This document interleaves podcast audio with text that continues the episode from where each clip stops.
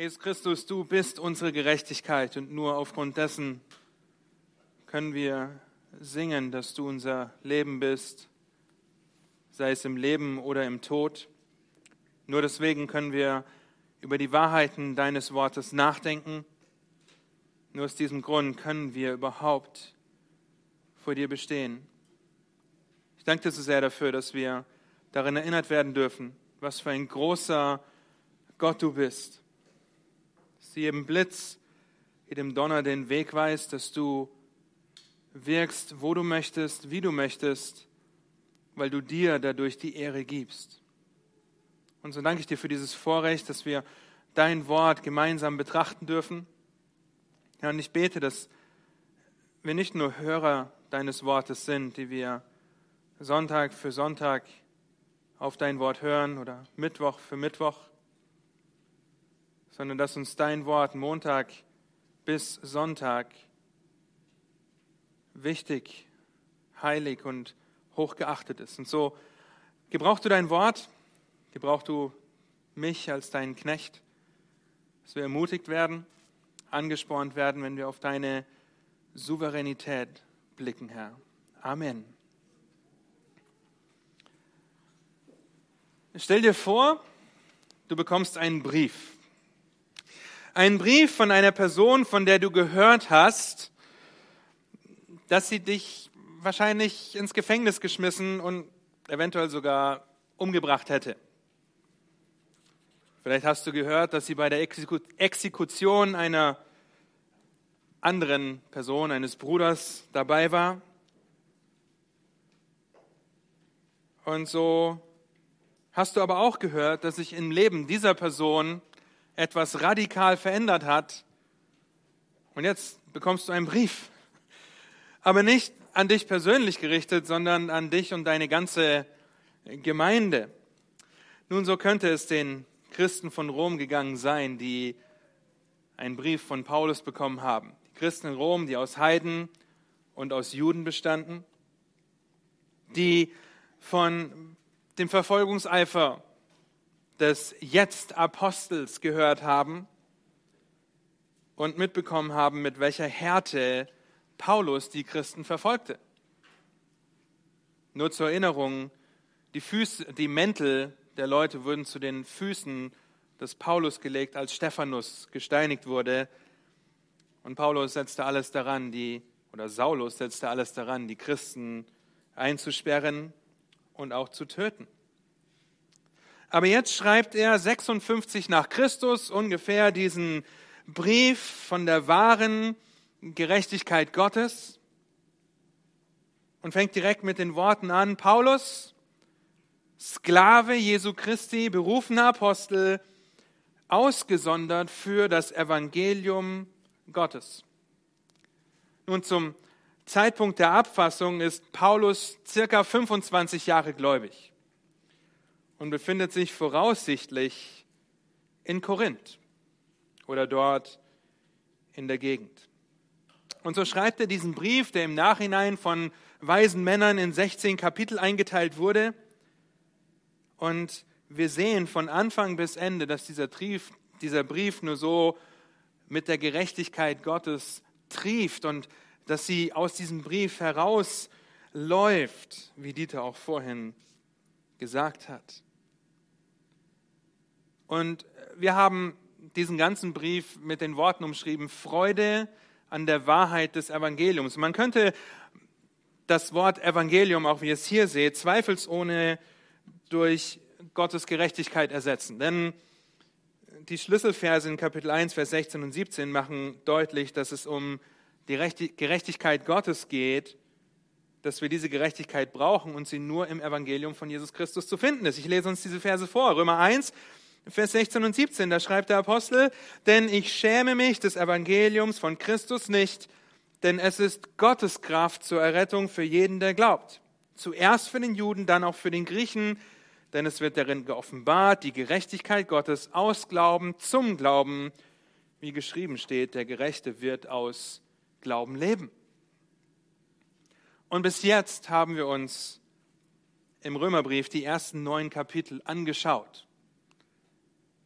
Und den Argumentationsstrang von Paulus betrachten. Und ich möchte euch kurz mit in einen Rückblick nehmen, der sehr wertvoll ist auch für das, was wir heute betrachten werden und der für dich vielleicht wertvoll sein kann, wenn du dem Römerbrief am Gemeindeleben am Mittwochabend nicht folgst.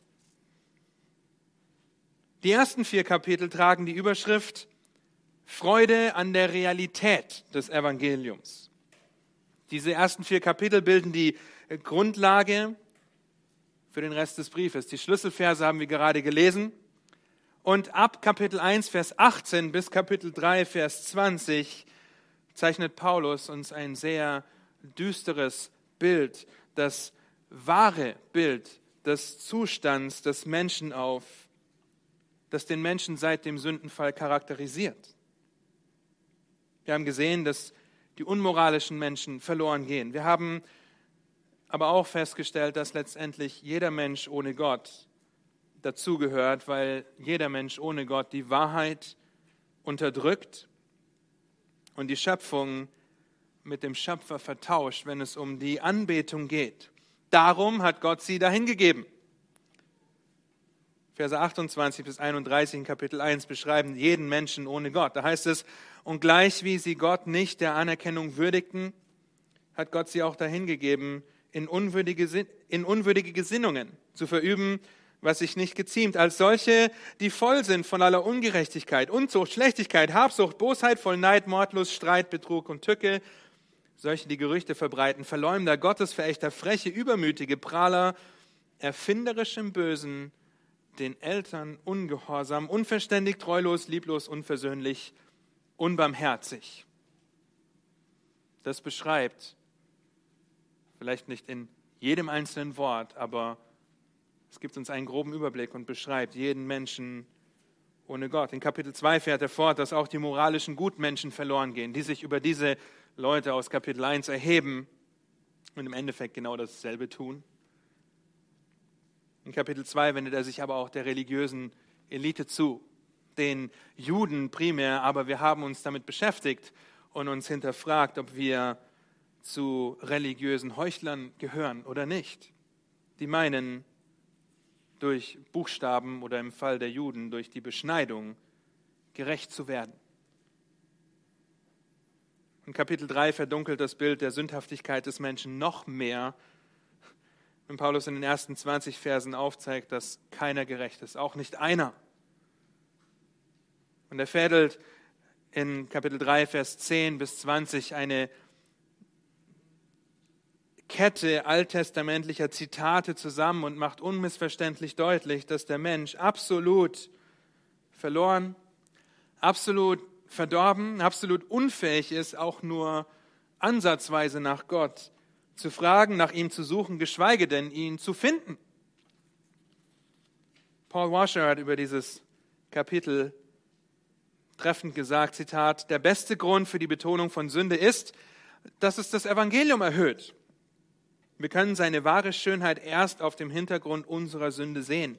Je dunkler der Mensch erscheint, desto heller scheint das Evangelium.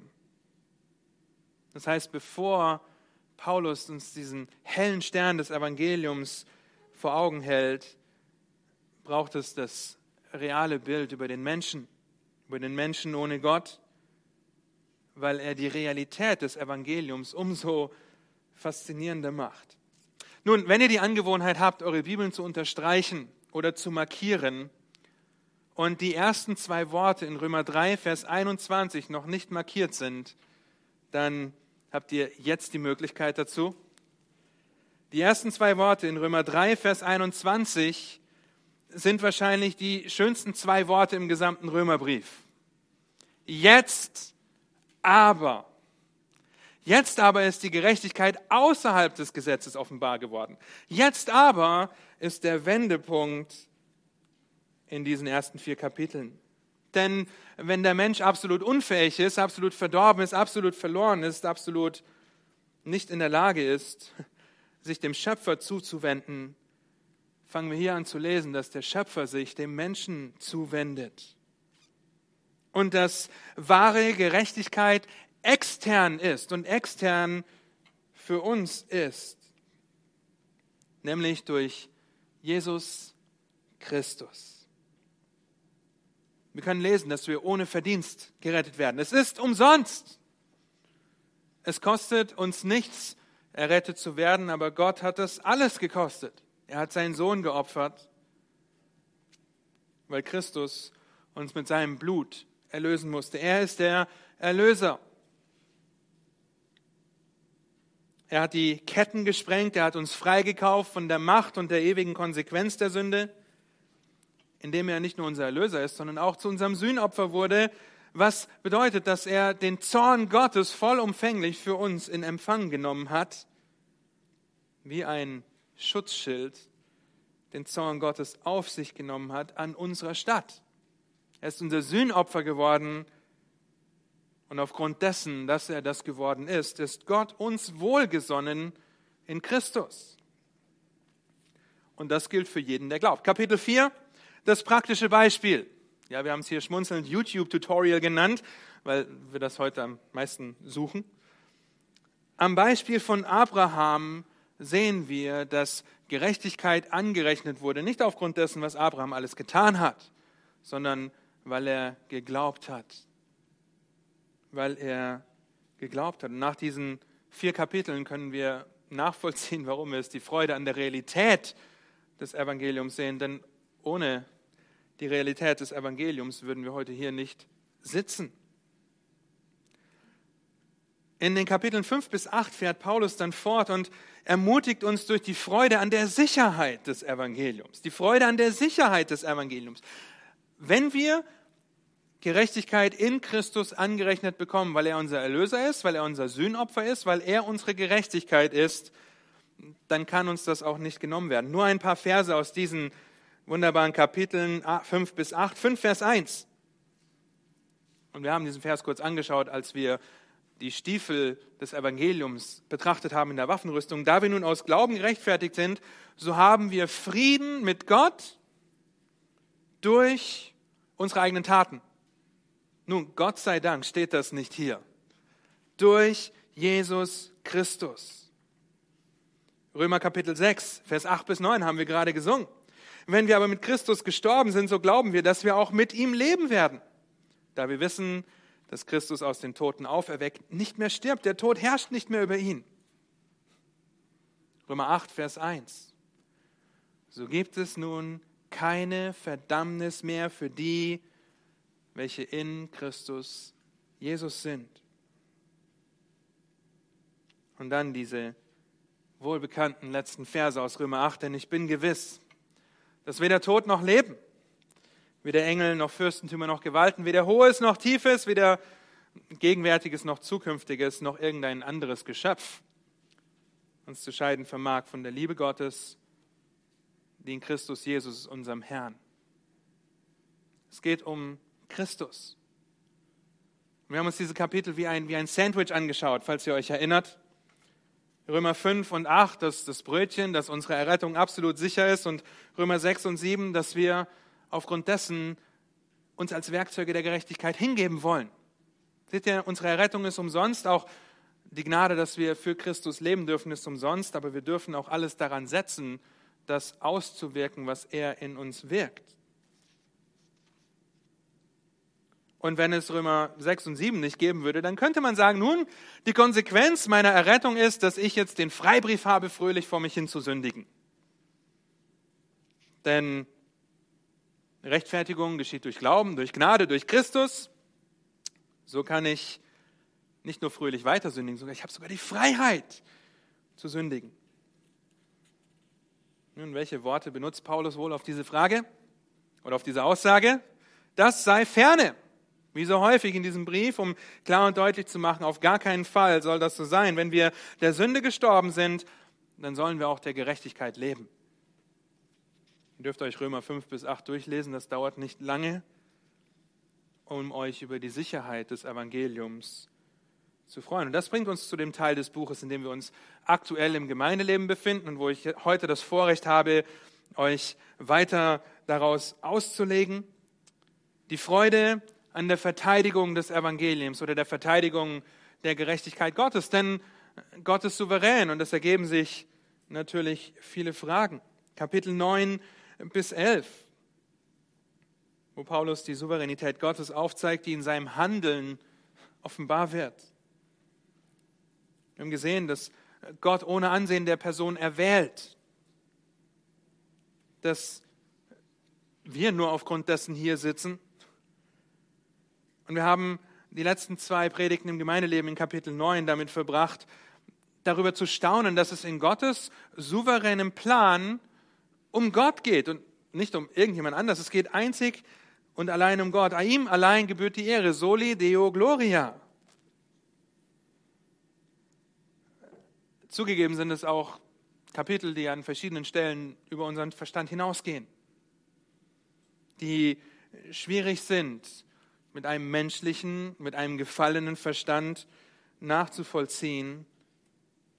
Aber wir dürfen daran denken, dass er der Töpfer ist und wir der Ton, dass er der Schöpfer ist und wir Geschöpfe.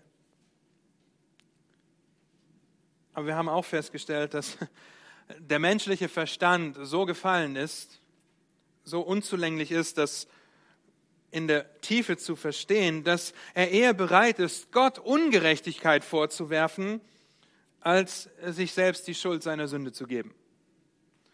Und so lasst uns diesen Abschnitt demütig behandeln und lasst uns mit diesem Abschnitt auch nicht die letzten Verse dieses Abschnitts in Kapitel 11 ab Vers 33 nicht vergessen, nicht, nicht, das Doppelverneinung ist Verjährung. Nein, lasst uns diesen Abschnitt nicht vergessen, der auch so wunderbar in unsere Lebensumstände spricht, wenn Dinge geschehen, die wir uns niemals erträumt hätten, wofür wir gebetet haben.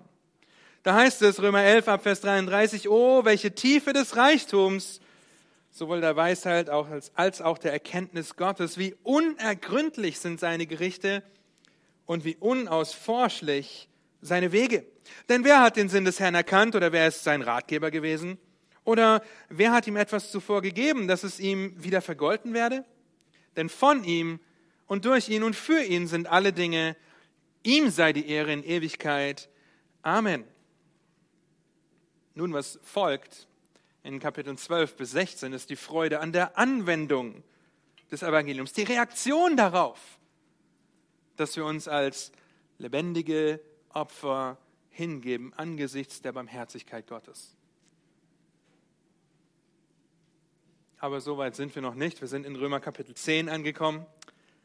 Und mit diesem kurzen Rückblick im Hinterkopf möchte ich euch einladen, Römer 10, wenn ihr es noch nicht aufgeschlagen habt, aufzuschlagen und heute damit beginnen, Gottes souveränen Rettungsplan zu betrachten, nämlich rettenden Glauben. Und wie Dieter vorhin schon gesagt hat, Kapitel 9 bis 11 zeigt auf, wie Gott Israel nicht verworfen hat, wie Israel eine Zukunft hat und wie Paulus das Volk im Sinn hat, wenn er das schreibt. Wir werden uns vier Qualitäten rettenden Glaubens anschauen, aber heute nur die erste, am Mittwoch dann die anderen drei. Römer Kapitel 10, die ersten acht Verse und damit die erste Qualität, die erste Eigenschaft, Ausdrucksform rettenden Glaubens. Da heißt es noch einmal, Brüder, der Wunsch meines Herzens und mein Flehen zu Gott für Israel ist, dass sie gerettet werden. Denn ich gebe ihnen das Zeugnis, dass sie Eifer für Gott haben, aber nicht nach der rechten Erkenntnis. Denn, und dieser Vers ist faszinierend, Vers 3, denn äh, weil sie die Gerechtigkeit Gottes nicht erkennen und ihre eigene Gerechtigkeit aufzurichten trachten, haben sie sich der Gerechtigkeit Gottes nicht unterworfen. Denn Christus ist das Ende des Gesetzes zur Gerechtigkeit für jeden, der glaubt. Mose schreibt nämlich, die Gerechtigkeit, die aus dem Gesetz kommt, so. Der Mensch, der diese Dinge tut, wird durch sie leben. Aber die Gerechtigkeit aus Glauben redet so. Sprich nicht in deinem Herzen, wer wird in den Himmel hinaufsteigen, nämlich um Christus herabzuholen, oder wer wird in, in den Abgrund hinuntersteigen, nämlich um Christus von den Toten zu holen. Sondern was sagt sie? Das Wort ist dir nahe in deinem Mund und in deinem Herzen. Dies ist das Wort des Glaubens, das wir verkündigen. Und in einer Gesellschaft in der heutigen Zeit, ist es an der Tagesordnung, sich selbst zu erfinden, seine eigene Bestimmung zu suchen, seinem Herzen zu folgen. Heute ist Valentinstag für alle Männer, falls ihr euren Frauen noch nicht gesagt habt, wie sehr ihr sie liebt und schätzt, dann ihr habt noch ein paar Stunden, heute ist Valentinstag. Nun, seinem eigenen Herzen zu folgen oder das zu tun, was einem Spaß macht. Und viele verfolgen diese Ziele mit einem sehr starken Eifer. Sie geben alles dafür, sind bereit, jeden aus dem Weg zu stoßen, der ihnen in dem Weg steht, und machen sich jeden zum Freund, der ihnen hilft, das zu bekommen, was sie wollen. Nun, dabei stellen sie sich selbst als aufrichtig dar, fahren ihre Ellenbogen aus, um ihr Ziel zu erreichen, und zwar um ihr Ziel auf ihre eigene Weise zu erreichen. In der heutigen Zeit gibt es nicht mehr die eine Wahrheit. Schon lange nicht mehr. Nun, damals auch nicht. Aber es hat sich nicht viel verändert. Es gibt nichts Neues unter der Sonne. Aber ist es wirklich so, dass es nicht mehr die eine Wahrheit gibt? Ist es nicht eine Illusion? Eine Illusion, die wir aber nicht nur in Gottes Wort finden. Stellt euch nur einmal vor, eine Person fährt mit 120 km/h durch eine 30er-Zone und tippt dabei eine SMS oder WhatsApp oder Signal oder wie auch immer. Sie wird angehalten von einem freundlichen Polizisten. Der macht sie darauf aufmerksam, dass sie etwas zu schnell gefahren ist und dabei auch noch auf ihr Handy geschaut hat. Die Antwort der Person am Steuer? Nun, es ist meine aufrichtige Absicht, pünktlich bei der Arbeit zu sein und ich wollte meinem Chef nur Bescheid sagen, dass ich es wahrscheinlich fünf Minuten früher schaffe. Aufrichtiger Eifer gut gemeint. Nun, das kann doch nicht so schlimm sein. Der, Poliz der Polizist öffnet freundlich die Tür und antwortet der Person, nun, es ist meine aufrichtige Absicht, Sie hiermit festzunehmen. Aufrichtiger Eifer, der das Gesetz bricht, ist falscher Eifer.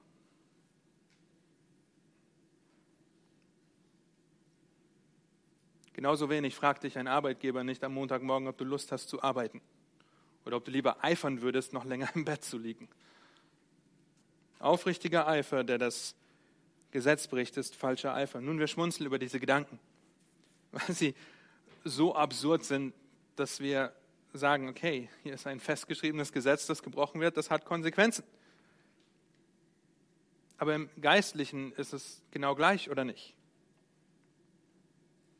Und wenn wir in diesen Text schauen, wenn wir diesen Abschnitt betrachten, wenn wir Gottes souveränen Rettungsplan anschauen, dann haben wir im Römerbrief schon gesehen, dass die einzige Wahrheit rettender Glaube ist, der einem verlorenen, verdorbenen, unfähigen, unzulänglichen Menschen Gottes Gerechtigkeit anrechnet und kein anderer Eifer dich dorthin bringt.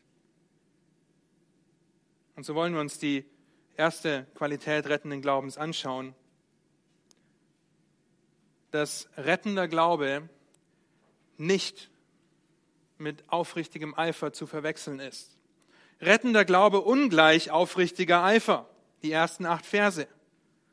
Aber gleich in den, im ersten Vers sehen wir den richtigen Eifer von Paulus, nämlich dass die Israeliten gerettet werden. Das ist das innige das intensive und aufrichtige Verlangen von Paulus, das, was in seinem Herzen ist, was er sich wünscht. Gleich zu Beginn sehen wir, dass rettender Glaube zu richtigem Eifer für den Herrn führt.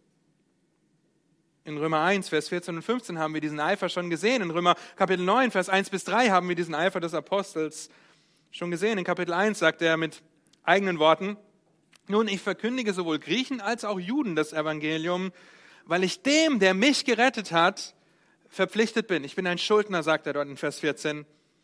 Deshalb, deshalb setze ich mit großer Freude und Bereitschaft allen Eifer daran, euch, geliebten Geschwistern in Rom, das Evangelium zu verkündigen. Und jedem das Evangelium zu verkündigen. Und dann kommen diese wunderbaren Schlüsselverse aus dem Römerbrief.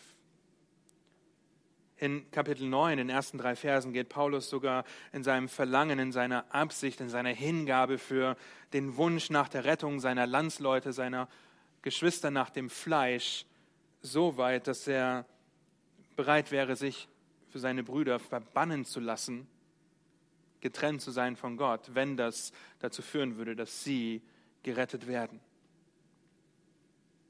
Es war sein Gebet, Ihr seht das in 10 Vers 1 mit dem Flehen zu Gott. Das ist sein inniges Gebet, dass Israel, dass die Juden zur Erkenntnis der Wahrheit kommen.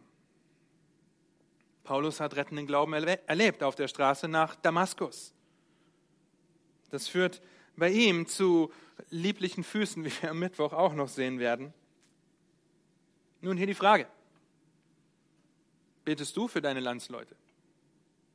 Ist es dein Eifer, dein Verlangen, dass sie gerettet werden.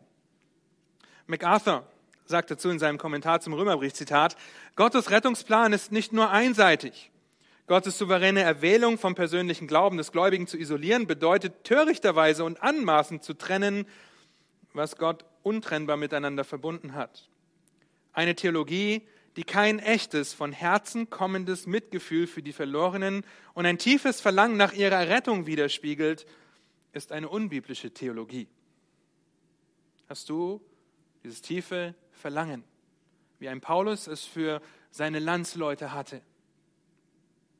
Denn unsere Rettung sollte kein isoliertes Ereignis sein, von dem deine Glaubensgeschwister, vielleicht deine Familie, ja, und ein Arbeitskollege mitkriegt.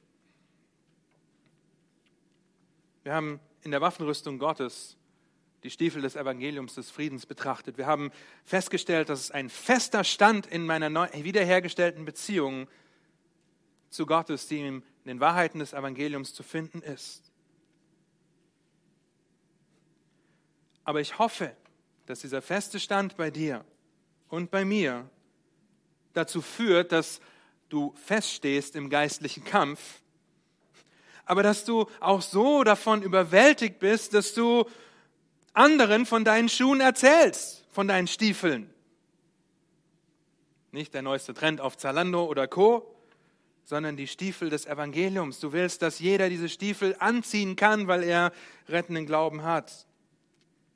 Und dann wirst du im Gebet darum ringen, dass Gott dir Möglichkeiten gibt, dass Gott es schenkt, dass du die Rettung deines Nächsten miterleben darfst, worum es auch in Epheser 6 am Schluss in den Versen 19 bis 20 geht, dass die Epheser für Paulus beten sollten, dass er die Möglichkeit hat, das Evangelium zu verkündigen. Nun, das ist der richtige Eifer, den rettender Glaube mit sich bringt.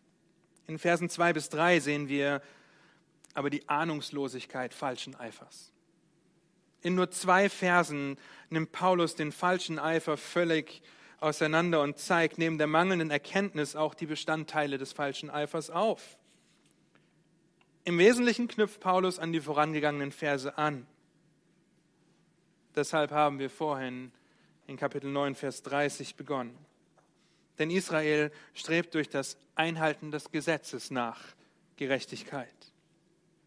Und jetzt führt er diesen falschen Eifer aus. Was Paulus hier nicht macht, ist, dass er den Eifer der Juden abwertet. Oh nein. Sie eifern für Gott. Das Zeugnis gebe ich ihnen, dass sie für Gott eifern. Er selbst war ein Eiferer für Gott. Aber es war ein falscher Eifer. In Galater 1 schreibt Paulus ab Vers 13, denn ihr habt von meinem ehemaligen Wandel im Judentum gehört, dass ich die Gemeinde Gottes über die Maßen verfolgte und sie zerstörte und im Judentum viele meiner Altersgenossen in meinem Geschlecht übertraf durch übermäßigen Eifer für die Überlieferung meiner Väter. In Philippa 3 schreibt er von sich in Vers 6, in Hinblick auf den Eifer war ich ein Verfolger der Gemeinde, in Hinblick auf das Gesetz, auf die Gerechtigkeit im Gesetz untadelig gewesen. Paulus war ein Eiferer für Gott, aber er eiferte in die falsche Richtung. Seine Landsleute waren Eiferer für Gott. Wenn ihr Apostelgeschichte 5 lest, dann lest ihr davon, dass die Pharisäer und Schriftgelehrten eifersüchtig ihre Hände an die Apostel gelegt haben, weil die Apostel die Wahrheit verkündeten. Sie eiferten dafür und taten alles, um das zu unterbinden. Oder die meisten von euch kennen den militantischen Arm der Pharisäer, die Zeloten. Sie waren quasi die religiös motivierten Terroristen, die im Namen Gottes alles Mögliche versuchten, primär um Rom loszuwerden. Zelos ist das griechische Wort für Eifer. Zeloten waren also die fanatischen Eiferer und alle Juden eiferten für Gott, weil sie sich unter anderem etwas auf ihre Abstammung einbildeten, weil sie sich auf den Buchstaben und die Beschneidung etwas einbildeten. Und damit wird Christus zu einem Stein des Anstoßes für sie. Und das ist der, der Knackpunkt. Das Zeugnis, das Paulus ihnen ausstellt, ist, sie eifern für Gott. Die Tragödie, ihre Herangehensweise ist fehlerhaft und falsch, weil sie das nicht in der richtigen Erkenntnis tun. Ohne geistliches Unterscheidungsvermögen, ohne die rechte Erkenntnis, die nur in der rettenden Beziehung zu Gott durch Glauben aus Gnade, durch Gnade aus Glauben, durch Glauben aus Gnade geschieht, ist der Eifer der Juden nur ein arroganter, törichter, stolzer Selbstversuch, sich selber Gerechtigkeit zu erwirtschaften. Aber es ist kein rettender Glaube, der sowohl ein demütiges, aber auch ein gerechtes Leben mit sich bringt. Tim Keller schreibt dazu, Zitat, es liegt ein aufrichtiger Eifer zugrunde, aber Israel bleibt unwissend. Nicht, weil die Informationen nicht verfügbar sind, sondern weil sie ignorant bleiben wollen. Fanatiker, Zeloten, Eiferer sind Menschen, die Eifer und Aufrichtigkeit haben, aber es ist ein Eifer, der sich weigert nachzudenken. Sie weigern sich innezuhalten und die Dinge zu durchdenken. Zitat Ende. Nun, als Mensch mit einem gefallenen Verstand getrennt von Gott, weigern sie sich nun innezuhalten, nicht nur innezuhalten und nachzudenken, sie haben nicht die Möglichkeit, das zu erkennen. Das heißt, sie laufen mit Volldampf in die falsche Richtung. Wenn ihr euch an das Beispiel aus 3. Johannes von Ralf erinnert mit dem Schlachtschiff und dem Leuchtturm,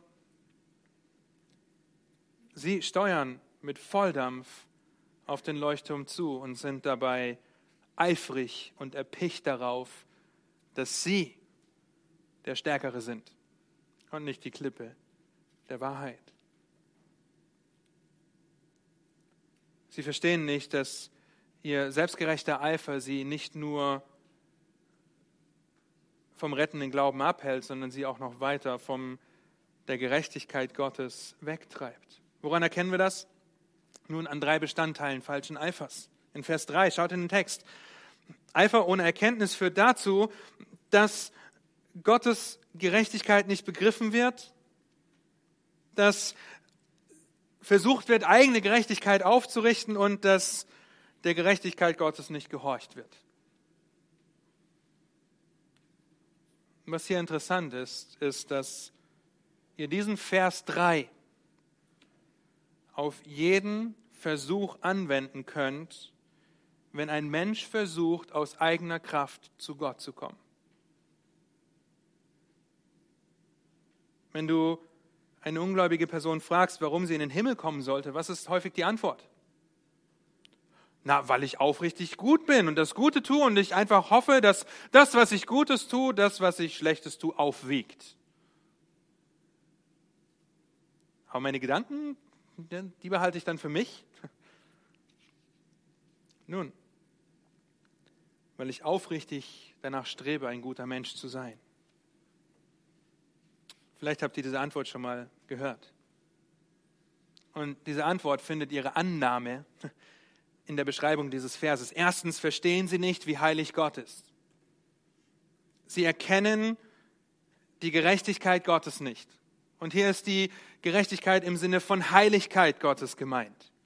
Sie erkennen die Heiligkeit Gottes nicht. Sie mögen vielleicht sogar intellektuelles Wissen über Gott haben, wie die Juden, oder so wie die Dämonen in Jakobus 2, Vers 19, die wissen, dass es Gott gibt und sie zittern davor, aber keine Beziehung zu ihm. Wir erinnern uns, Glaube ist sein Leben auf etwas zu bauen, von dem man überzeugt ist, dass es wahr ist. Aber ohne die richtige Erkenntnis, das heißt, wie man gerecht wird, besteht keine Chance zu verstehen, wie heilig und gerecht Gott ist. Sie begreifen nicht, wie heilig Gott ist. Wie er seine Erhabenheit von Anfang an in seinem Wort offenbart.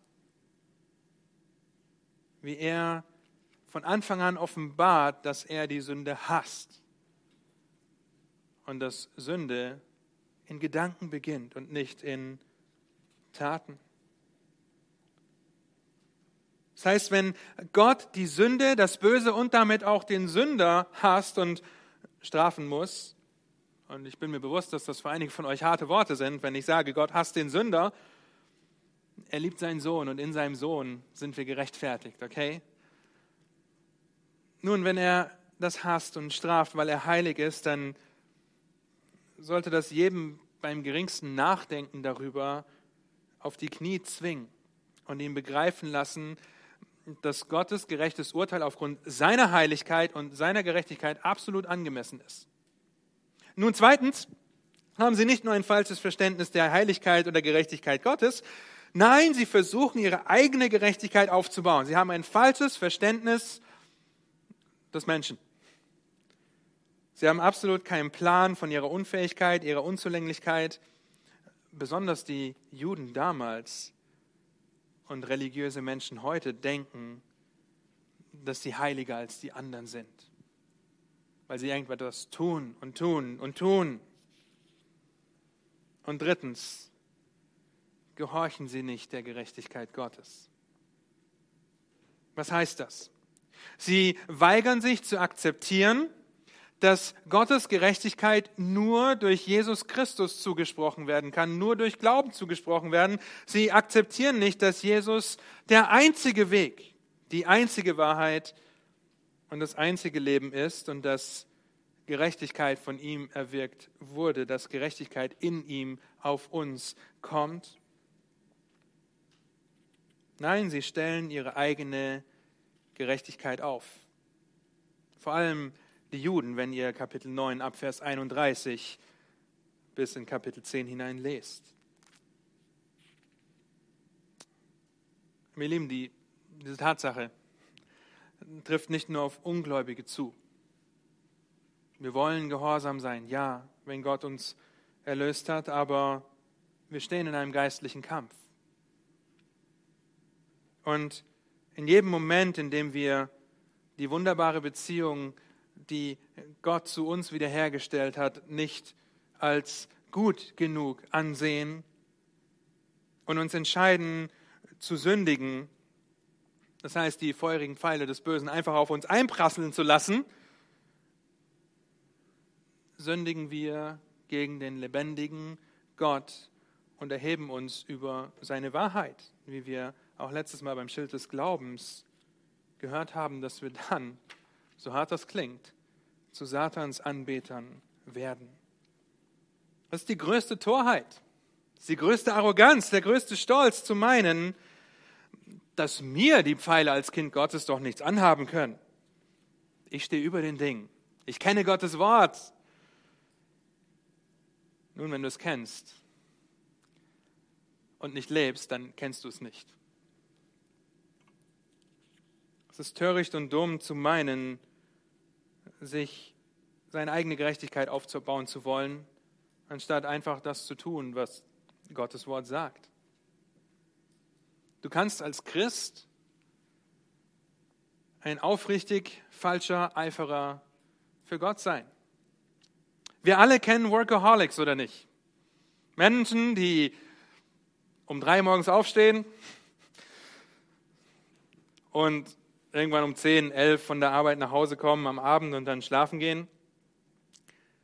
Ohne Pause arbeiten und irgendwann total erschöpft sind. Nun, ein Autor schreibt in einem Buch treffend und überführend, Zitat, ich frage mich, ob eine christliche Version von davon, äh, von Workaholic, vielleicht Eiferholic sein könnte. Wir wollen ja schließlich nicht der Arbeit wegen arbeiten, aber vielleicht lassen wir es zu, dass unsere Leidenschaft für den Dienst andere Angelegenheiten überholt und schließlich dazu führt, dass wir unweise, anweise, unweise Entscheidungen treffen. Zitat Ende. Wie kann falscher Eifer im Leben eines Christen aussehen? Lass mir nur ein paar wenige Beispiele geben. Ich kann sagen, ich liebe meinen Dienst in der Gemeinde. Vor allem dann, wenn ich eine bedeutungsvolle Aufgabe in der Gemeinde habe und sie damit verbinden darf. Denn wenn ich der Gemeinde dienen kann, dann fühle ich mich nützlich. Und nebenher ehrt es Gott auch noch. Oder ich kann sagen, ich liebe es, anderen zu helfen.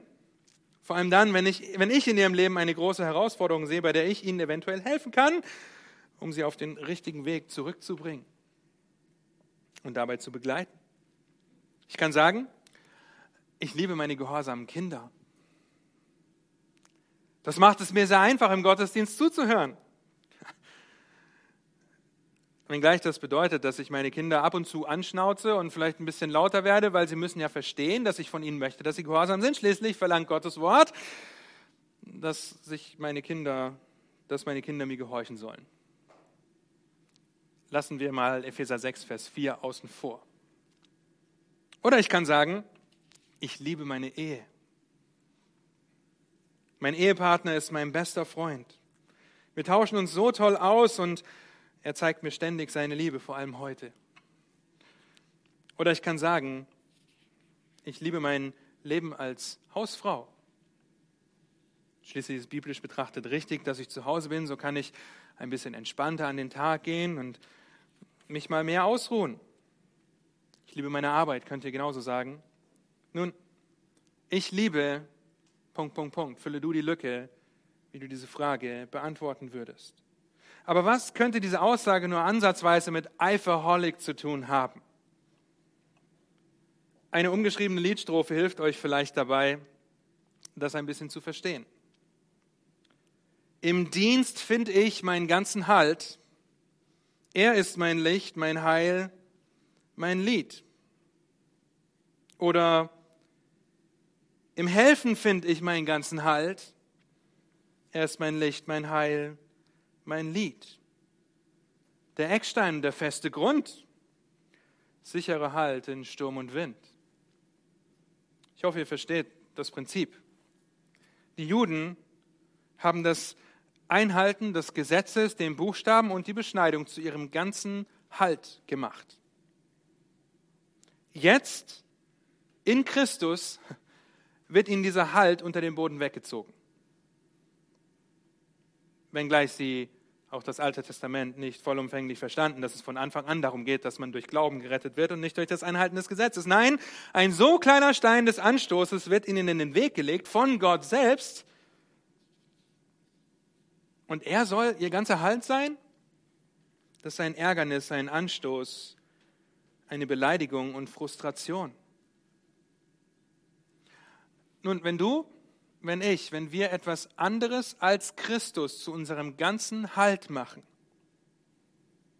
dann wird das mit einem Ärgernis, einem Anstoß, Frustration, wird das genauso enden. Warum? Weil es dir genommen werden kann.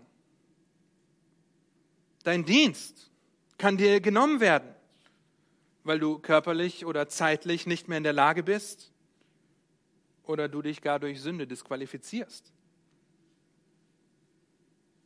Wie erkennst du, ob vielleicht dein Dienst dein ganzer Halt ist?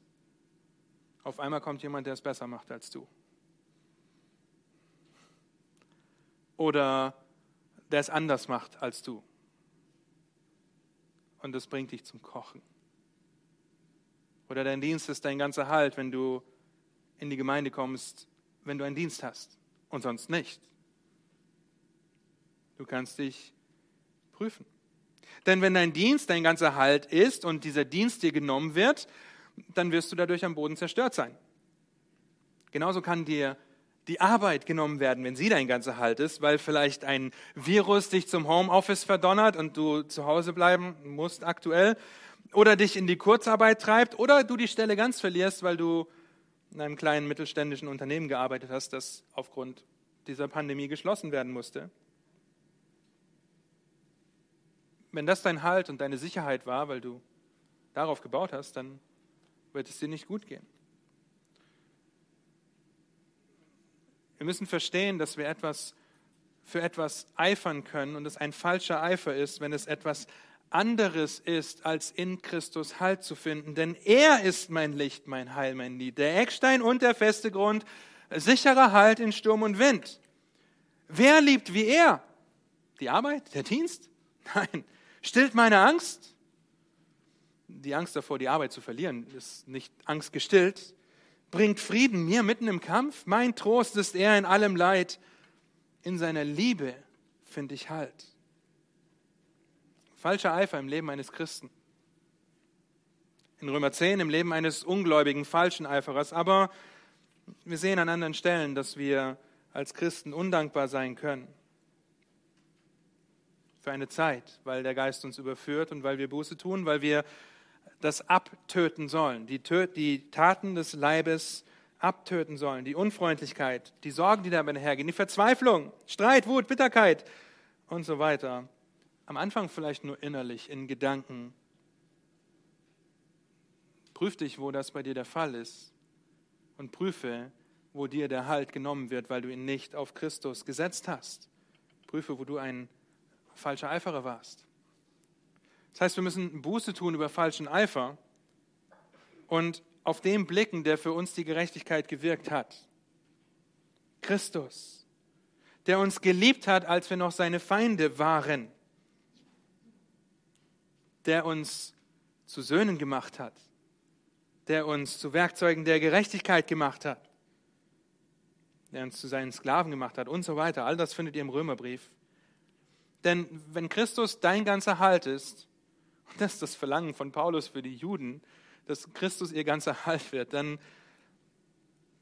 wirst du in deiner Liebe zu ihm wachsen. Und dann werden all diese Beispiele, die ich gerade aufgelistet habe, ich liebe meinen Dienst, ich liebe meine Familie, ich liebe meine Arbeit, sie werden Konsequenzen dessen sein, dass du Christus liebst und dass er dein ganzer Halt ist. Und dann wird dein Leben nicht am Boden zerstört enden, wenn du deinen Dienst, deine Arbeit nicht mehr machen kannst. Wenn du, hey, einen Ehepartner verlierst, das ist möglich. Wenn du ein Kind verlierst, das ist möglich, ob geboren oder ungeboren. Wir leben in einer gefallenen Welt. Und wenn uns diese Dinge genommen werden, aber Christus unser ganzer Halt wird, dann wird er nicht unser Stein des Anstoßes und nicht der Fels des Ärgernisses, sondern wird er unser Fels und unsere feste Burg, in dem wir uns bergen. Oh, wie, wie töricht ist jeder Versuch, es aus eigener Kraft zu beweisen. Vor allem für den Juden, der meinte, er hält das Gesetz ein und er tut und tut und er kommt doch nicht voran. Und dabei klammert er die Wahrheit über Christus einfach aus. Das Ausklammern der Wahrheit. Verse 4 bis 8. Zweimal in äh, diesen Versen zitiert Paulus Mose aus den ersten fünf Büchern Mose und später wird er ihn nochmal zitieren in diesem Kapitel. Und zweimal oder jedes Mal, wenn er Mose zitiert, macht Paulus deutlich, dass rettender Glaube und die damit verbundene Rechtsprechung vor dem heiligen Gott nicht mit Eifer, falschem Eifer zu verwechseln ist. In Vers 4 sehen wir, dass Christus das Ende des Gesetzes ist. Aber nicht, dass das Gesetz jetzt aufgehoben ist, okay, dass es verachtet werden kann, wenn man an Christus glaubt.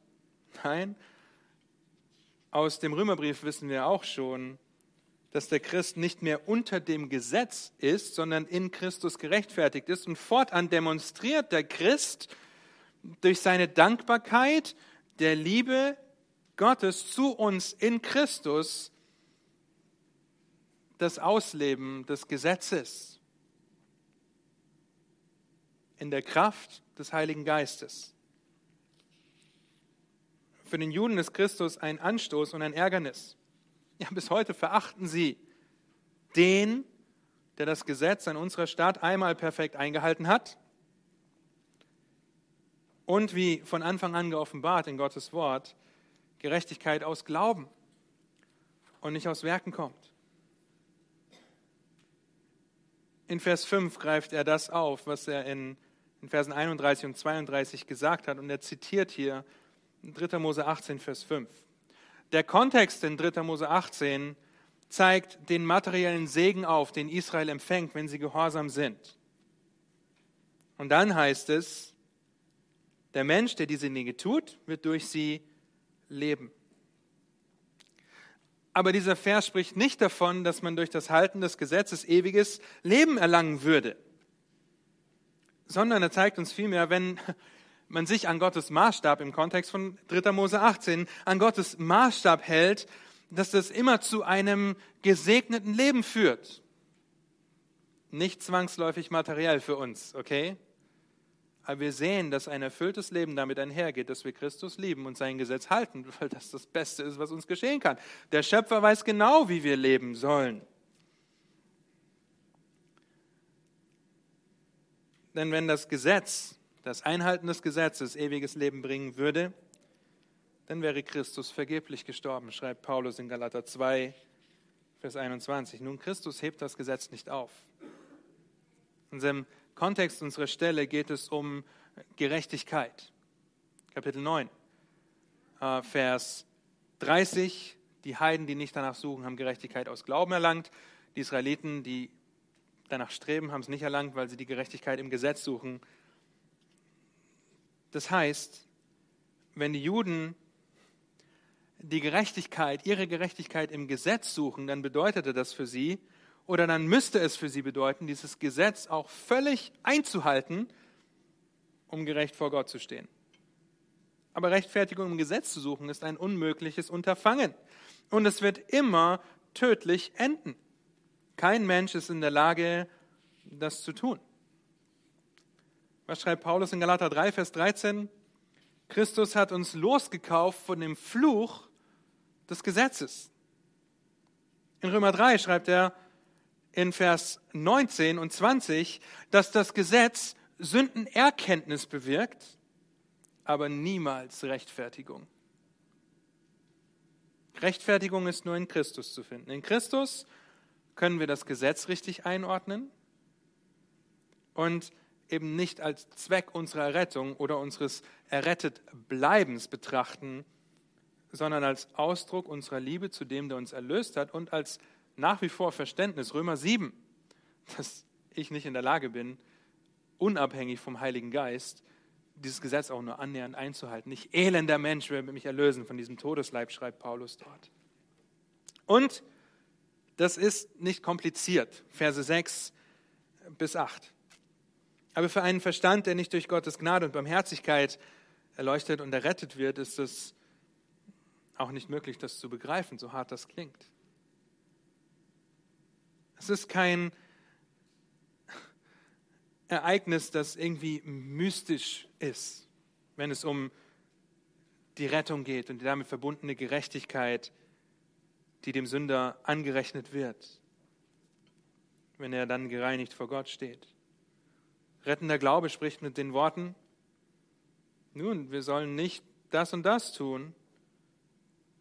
Und was er mit anderen Worten hier sagt, ist, dass Gottes Rettungsplan offenbar ist, dass er klar und deutlich ist und dass der Mensch weder in die Höhen des Himmels gehen muss und auf irgendeine geistlich höhere Ebene steigen muss, wie es in der Gnostik ja häufig der Fall ist, dass einfach der Leib vom Geist getrennt wird und ich schwebe auf einer höheren Ebene, um Gerechtigkeit zu finden, noch muss er in die in den Abgrund hinabsteigen, um Christus heraufzuholen, indem ich mich einschränke, verstümmel oder selbstkastei oder was weiß ich für Dinge auferlege, um rettenden Glauben zu finden oder um Gerechtigkeit zu finden. Denn seit jeher wird der Mensch aus Gnade durch Glauben gerettet. Aber stattdessen zeigt die schiere Verstocktheit des Unglaubens, dass der Mensch es vorzieht, eine unmögliche Irrfahrt zu unternehmen, anstatt ihr Vertrauen in einen zulänglichen Christus zu setzen. Sie versuchen es aus eigener Kraft, aus eigenem Antrieb. Schaut den Text in Vers 8 zitiert ähm, Paulus noch einmal Mose. Das Wort ist nahe in deinem Mund und in deinem Herzen. Und in den Versen, die folgen, die wir beim nächsten Mal anschauen, stellen wir auch schon fest, dass aus dem Mund das kommt, was im Herzen ist. Aber nicht nur das, die Information von Gottes Gerechtigkeit, wie sie einem Sünder zugesprochen werden kann, liegt uns vor.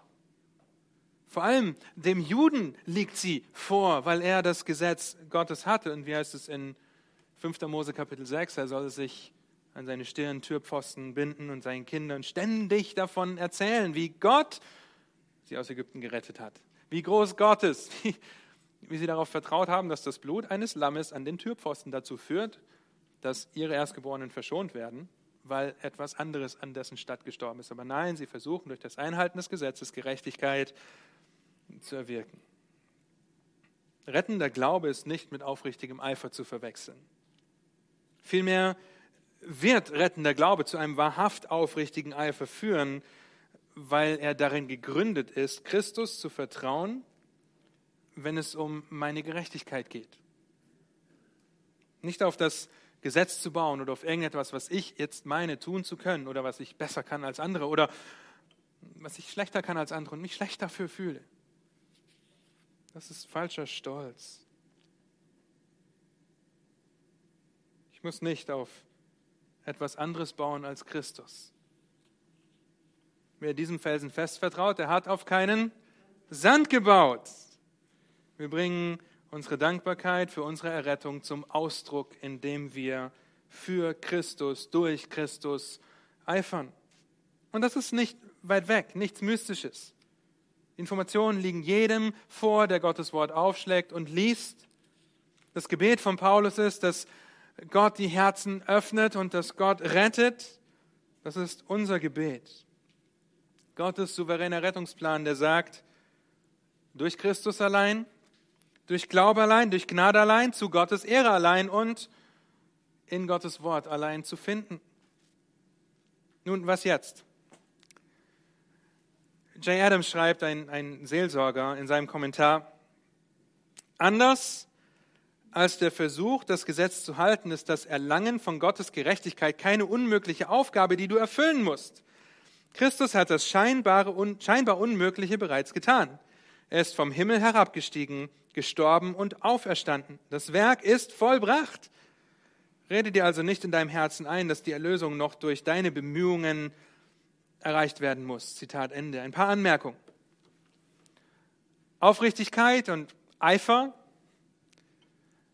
werden dich nicht ans Ziel der Gerechtigkeit Gottes bringen. Das heißt, solange du denkst, dass dein aufrichtiger Eifer, dein Tun, Tun, Tun dich in den richtigen Stand zu Gott versetzt, irrst du. Denn wer ein Gesetz verfehlt, der hat das ganze Gesetz gebrochen. Du kannst nicht nach deinem Plan zu Gott kommen, sondern du musst nach Gottes Plan zu Gott kommen. Zweitens, Gottes Gerechtigkeit wird denen zugesprochen, die glauben.